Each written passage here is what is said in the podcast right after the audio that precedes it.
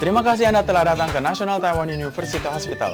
Guna memberikan kesehatan bagi Anda sekalian, maka di bawah lima waktu berikut ini, kita harus memperhatikan kebersihan tangan kami. 大家记得洗手哦。 Pertama, sebelum berhubungan dengan pasien. Bukan pembersihan ataupun juga pekerjaan yang berhubungan erat dengan pembersihan kuman-kuman. Ketiga, setelah berhubungan dengan darah pasien ataupun juga cairan yang terdapat pada pasien. Keempat, setelah berhubungan dengan pasien. Kelima, setelah berhubungan dengan situasi dan kondisi seluruh pasien yang ada. National Taiwan University Hospital peduli dengan kesehatan Anda. Jikalau Anda membutuhkan bahasa yang lain, silakan menghubungi ataupun juga segera memasuki situs YouTube dan juga mencari National Taiwan University atau kebersihan tangan. Terima kasih.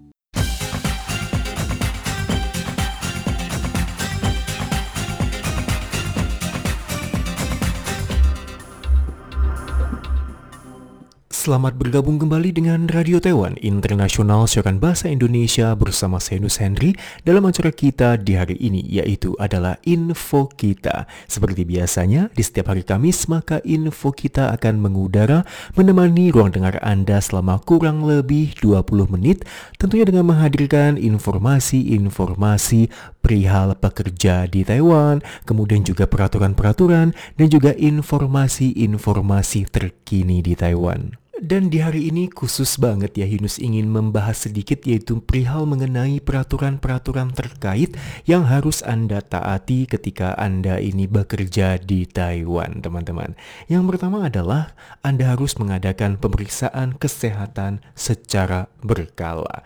Ini memang ketika Anda baru tiba di Taiwan maka biasanya dari pihak agensi kemudian juga majikan atau mungkin ini Anda melakukan proses kedatangan secara mandiri maka Anda harus ingat Anda begitu tiba di Taiwan, yang pertama kali harus Anda lakukan adalah melakukan pemeriksaan kesehatan teman-temannya atau medical check up. Dan juga ketika Anda genap bekerja 6 bulan, 18 bulan, dan 30 bulan, maka Anda harus kembali melakukan medical check up.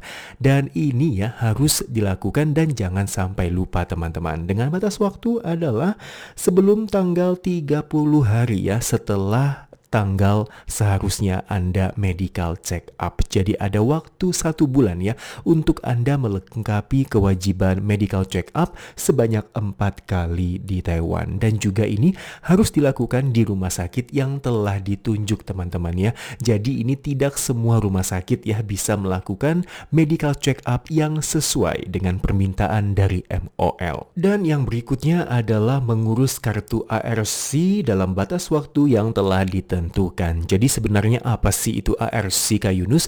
Yaitu adalah uh, seperti KTP begitu ya, identitas diri bagi para pekerja migran dan lebih tepatnya ARC ini juga berlaku bagi seluruh warga asing yang tinggal di Taiwan. Dan bagi Anda ya juga harus mengajukan ARC. Jangan sampai lupa yaitu kartu berwarna biru teman-teman. Dan ini biasanya dalam waktu kurun 15 hari setelah Anda tiba di Taiwan, maka dari pihak majikan maupun agensi ini akan membawa Anda kemudian juga akan dilengkapi dengan dokumen yang diperlukan untuk mengajukan permohonan kartu ARC dan juga melakukan cap sidik jari di counter pelayanan kantor imigrasi terdekat di daerah Anda menetap. Misalkan Anda ini menetapnya di kawasan Taoyuan seperti itu ya, maka Anda bisa melakukan pengajuan kartu ARC di kantor imigrasi di Taoyuan teman-teman. Ketika Anda ini bekerja di Taipei, maka Anda bisa mengajukannya di Taipei. Dan berikutnya teman-temannya ketika Anda bekerja di Kaohsiung, maka Anda bisa melakukannya yaitu di kantor imigrasi yang terletak di kawasan Kaohsiung atau yang terdekat dengan lokasi di mana Anda menetap maupun Anda tinggal teman-teman. Yang berikutnya adalah majikan ini juga harus sesuai dengan waktunya melaporkan tanggal kedatangan Anda, mengurus surat izin kerja dan juga perpanjangannya teman-teman. Setelah Anda pertama kali ini masuk ke Taiwan, kemudian juga telah melakukan medical check up dalam waktu tiga hari, maka majikan ini harus mengisi surat laporan masuk negeri bagi PMA yang direkrut oleh majikan. Ini untuk melapor kepada pihak setempat bahwa bahwa Anda telah mendarat dengan selamat di tempat majikan. Ini harus dilaporkan, kemudian suratnya itu harus dikirim kepada lembaga yang berwenang, teman-teman. Dan yang berikutnya adalah majikan ini ya, yang Anda bekerja ini harus sama dengan yang tertera pada surat izin kerja Anda, teman-teman. Ya, Anda begitu tiba di Taiwan, biasanya itu Anda akan dijemput oleh agensi, kemudian ingat teman-teman ya, nama dari majikan Anda itu harus sama dengan yang tertulis di surat kontrak yang Anda terima teman-teman. Biasanya ketika Anda ini begitu mau terbang ke Taiwan dari pihak PT di Indonesia, mereka akan membagikan sebuah dokumen untuk Anda ya. Dalam dokumen itu akan tertera yaitu adalah surat kontrak kerja teman-teman. Nah, ini harus Anda pegang dengan sepenuhnya dan jangan sampai hilang. Perhatikan apakah data di dalam ini sama dengan kenyataan di lapangan. Misalkan dari data diri Anda, kemudian juga dari nama majikan Anda, kemudian juga dari pasien, apakah Anda bekerja untuk merawat pasien ya, harus sama dengan yang tertera dalam surat kontrak kerja Anda, teman-teman. Nah, gimana cara tahunya uh, siapa sih majikan saya, siapa sih pasien saya, apa sih yang akan saya kerjakan Kak Yunus? Nah, ini biasanya ketika Anda masih di PT, PT itu akan mengatur sebuah waktu untuk Anda melakukan interview dengan pihak majikan di Taiwan. Nah, biasanya ini interview akan dilakukan melalui visual ya maupun virtual kamera seperti itu dari video call. Kemudian majikan biasanya akan melihat Anda, kemudian juga memberitahukan Anda pekerjaan apa yang harus Anda lakukan ketika Anda tiba di Taiwan. Biasanya mereka akan bertanya, apakah kamu Wati bisa mengangkat beban mungkin 60 kilo, bisa menggendong pasien 60 kilo, apakah Anda mampu? Ketika Anda mampu, kemudian majikan setuju, nah ini Anda harus tahu bahwa Anda itu nantinya akan bekerja di majikan tersebut, teman-teman. Pastikan apakah Anda bekerja itu di majikan yang sama dan di pasien yang sama, teman-teman ya. Jangan sampai salah, teman-teman. Yang berikutnya adalah jenis pekerjaan dan lokasi kerja. Ini juga harus sama dengan yang tertulis pada surat kontrak kerja Anda, teman-teman. Jadi memang yang Yunus katakan tadi, ketika Anda ini di Indonesia di PT, biasanya akan mendapatkan surat kontrak kerja tadi. Perhatikan alamatnya, kemudian juga perhatikan nama majikannya, kemudian juga perhatikan apakah nama yang tertera di situ adalah nama Anda. Kalau nama Anda berarti betul ya, jangan sampai salah ambil. Kemudian juga perhatikan poin-poin penting yang membahas tentang hak dan kewajiban Anda setelah Anda ini bekerja di Taiwan. Oke, dan berikutnya adalah sebelum masa kerja Anda berakhir, Anda dapat berunding dengan majikan mengenai perpanjangan kerja dan harap perhatikan hal-hal di bawah berikut ini. Yang pertama adalah apabila Anda dan majikan sepakat untuk tidak memperpanjang masa kerja dan Anda ingin pulang, maka dalam waktu 14 hari sebelum masa kerja Anda berakhir, maka Anda harus melakukan yang namanya pemulihan pemutusan kontrak, kemudian melakukan prosedur verifikasi, dan juga majikan harus mengatur kepulangan anda teman-teman.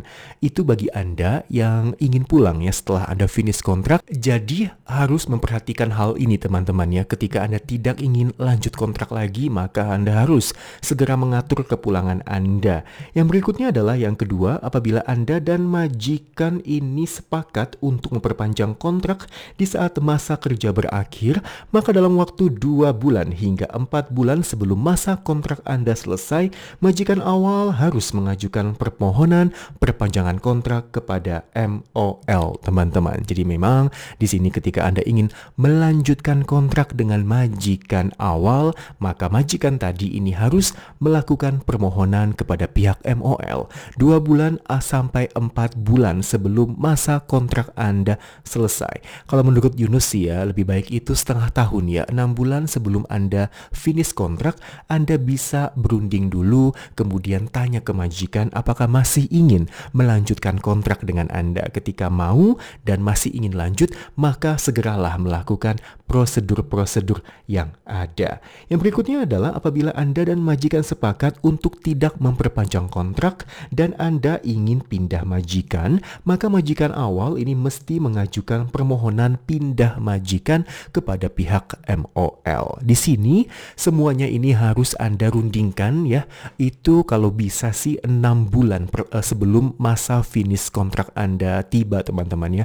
Biar lebih aman, biar lebih gampang juga teman-teman. Jadi memang ketika Anda ingin lanjut, maka majikan ini harus mengajukan permohonan perlanjutan kontrak. Kalau Anda ingin pindah majikan, maka majikan harus mengajukan permohonan pindah majikan ke MOL, teman-teman ya. Semuanya itu harus dilakukan secara prosedur dan administrasinya harus yang benar-benar lengkap, teman-teman. Yang berikutnya adalah ini juga ketika Anda ini bekerja sebagai pekerja rumah tangga dan pihak yang dirawat meninggal dunia, maka mintalah kepada majikan Anda dalam waktu 30 hari untuk secepatnya mengajukan perubahan pihak yang dirawat kepada MOL, kemudian bekerja dengan majikan baru yang mempunyai hubungan saudara dengan majikan awal atau bekerja dengan majikan yang lain. Nah, ini biasanya contohnya ini ya. Misalkan si Wati ini bekerja di rumah majikan A untuk merawat si kakek, misalkan seperti itu. Dan tiba-tiba si kakek ini meninggal dunia dan si Wati ini ya uh, statusnya nggak jelas. Dia ini harus bagaimana? Apakah ia ini harus bekerja di majikan ini atau mungkin bekerja di majikan baru, teman-teman? Nah, ketika mungkin si Wati ini ingin bekerja di majikan lama, nah majikan lama ini harus mencarikan pasien yang bisa mengajukan surat perekrutan PMA. Nah, kebetulan si nenek ini bisa mengajukan surat permohonan perekrutan PMA, maka si Wati ini masih bisa untuk bekerja di majikan awal dengan berganti nama pasien, yaitu adalah si nenek. Begitu teman-teman ya. Jadi kini ketika Anda ini pasiennya meninggal dunia teman-teman ya, maka Anda harus segera mengingatkan majikan, memberitahukan majikan bahwa masih ada prosedur yang harus dijalani, yaitu adalah memindahkan nama pasien yang merekrut dari Anda sendiri. Atau mungkin Anda ingin pindah majikan dan majikan awal tidak mempunyai nama lagi ya. Nama pasien yang bisa merekrut Anda, maka Anda harus pindah majikan ya untuk mencari pasien ini yang bisa dirawat oleh Anda teman-teman. Jadi memang ketika si majikan tidak punya pasien maka majikan tidak boleh merekrut Anda teman-teman ya. Ini melanggar peraturan dan bisa dikategorikan sebagai tindakan ilegal teman-teman. Jadi ingat ketika mungkin uh, pasien meninggal dunia maka segera ingatkan ke majikan atau agensi ya yang menaungi Anda. Yang berikutnya adalah ini selama Anda bekerja di Taiwan hewan, maka dilarang memproduksi, mengedarkan, menjual, memberikan, menggunakan atau memiliki obat-obatan terlarang teman-teman ya, seperti opium, morfin, kokain, marijuana, dan amfetamin dan obat-obatan terlarang lainnya. Dan bila didapati teman-teman maka akan dikenakan hukuman. Melewati keputusan dari MOL maka kontrak kerja Anda akan diputuskan dan diperintahkan untuk keluar dari Taiwan dan tidak tidak bisa kembali datang bekerja di Taiwan teman-teman. Jadi memang yang namanya untuk obat-obatan narkoba teman-teman ya ini masih menjadi hal yang paling-paling sangat diantikan ya oleh pemerintah Taiwan. Ketika Anda tertangkap memiliki atau salah bergaul teman-teman ya, maka hukuman bisa mengganjar Anda teman-teman. Ingat sekali-sekali jangan lagi yang namanya adalah untuk salah pergaulan, salah kenalan ya dan lain-lain. Yunus juga merasa bahwa di Taiwan ini sudah cukup baik ya.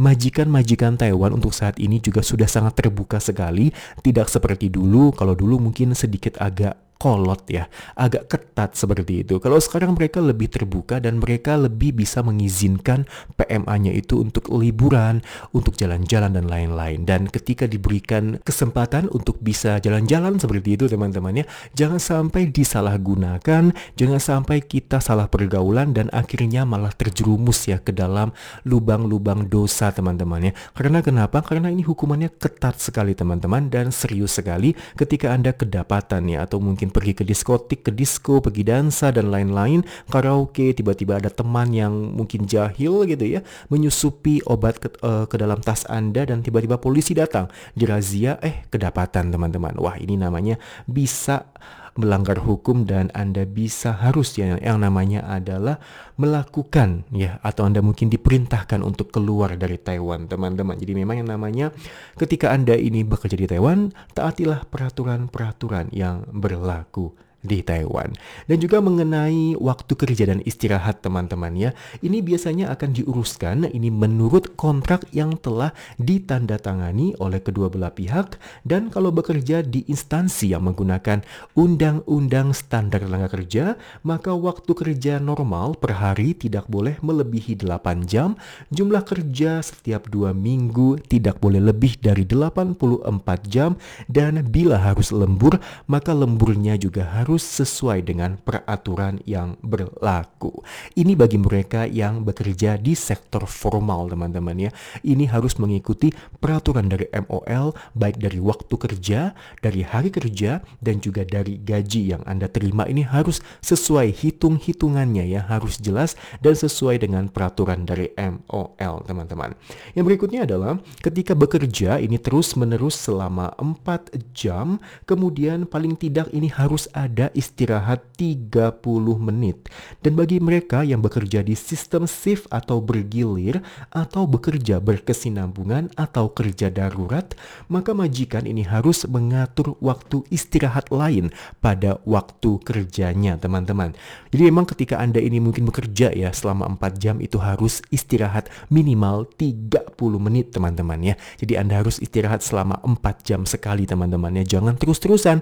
Ini bisa mengakibatkan kelelahan dan kecapean dan hanya akan merusak tubuh Anda teman-teman ya. Yang berikutnya adalah ini asuransi kesehatan teman-teman. Yang namanya asuransi kesehatan maupun ASKES ini merupakan jaminan perlindungan yang diberikan oleh otoritas Taiwan kepada seluruh pekerja dan juga termasuk pekerja asing maupun PMA.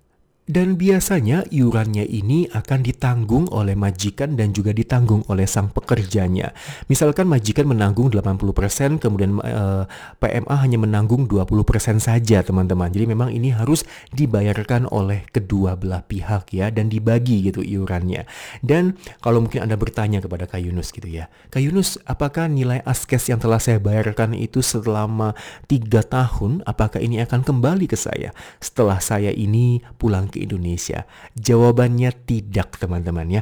Yang namanya asuransi itu adalah ketika kita bayar, ya, ketika kita bayarkan asuransi kita, nah suatu hari kalau kita pakai asuransi itu, maka asuransi itu bisa cair, teman-teman.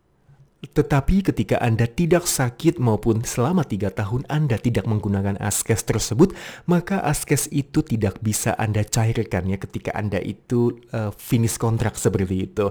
Jadi ini seperti asuransi teman-teman ya. Ketika kita beli asuransi di Indonesia, tentunya akan cair ketika kita mengalami kejadian yang tertulis dalam polis tersebut teman-teman. Itu menjamin kita selama tiga tahun kalau seandainya kita sakit, kita kenapa-kenapa, maka asuransi ini ini bisa mengcover kita, melindungi kita. Jadi memang ketika Anda ini bekerja di Taiwan dengan status yang legal, ingat teman-teman, maka Anda akan terlindungi oleh askes. Dan ketika Anda memutuskan untuk menjadi swasta, untuk menjadi PMA dengan status hilang kontak, maka maaf-maaf saja askes ini tidak lagi berlaku bagi Anda. Jadi suatu hari ketika mungkin Anda sudah hilang kontak, kemudian Anda sakit, Anda mungkin kecelakaan, maaf-maaf saja, maka yang namanya askes ini tidak bisa mengcover biaya pengobatan Anda. Dan tentunya biaya yang harus Anda bayarkan itu akan lebih mahal ya dibandingkan oleh warga-warga biasa pada umumnya teman-teman. Jadi ingat ketika Anda bekerja di Taiwan, bekerjalah sesuai dengan peraturan dan jangan sekali-sekali memilih untuk menjadi PMA swasta. Ya teman-teman, karena waktu tinggal sebentar lagi ini, maka info kita harus undur diri dulu dan semoga saja tema di hari ini bisa menemani ruang dengar Anda, memberikan Anda sedikit informasi ya perihal mengenai tenaga kerja di Taiwan dan juga peraturan-peraturan yang berlaku di Taiwan. 以上节目是由劳动部劳动力发展署委托制播。 中央广播电台制作的印尼语节目。 Terima kasih Anda telah mendengarkan acara persembahan dari Badan Pengembangan Tenaga Kerja Kementerian Ketenagakerjaan dengan Radio Taiwan Internasional RTI.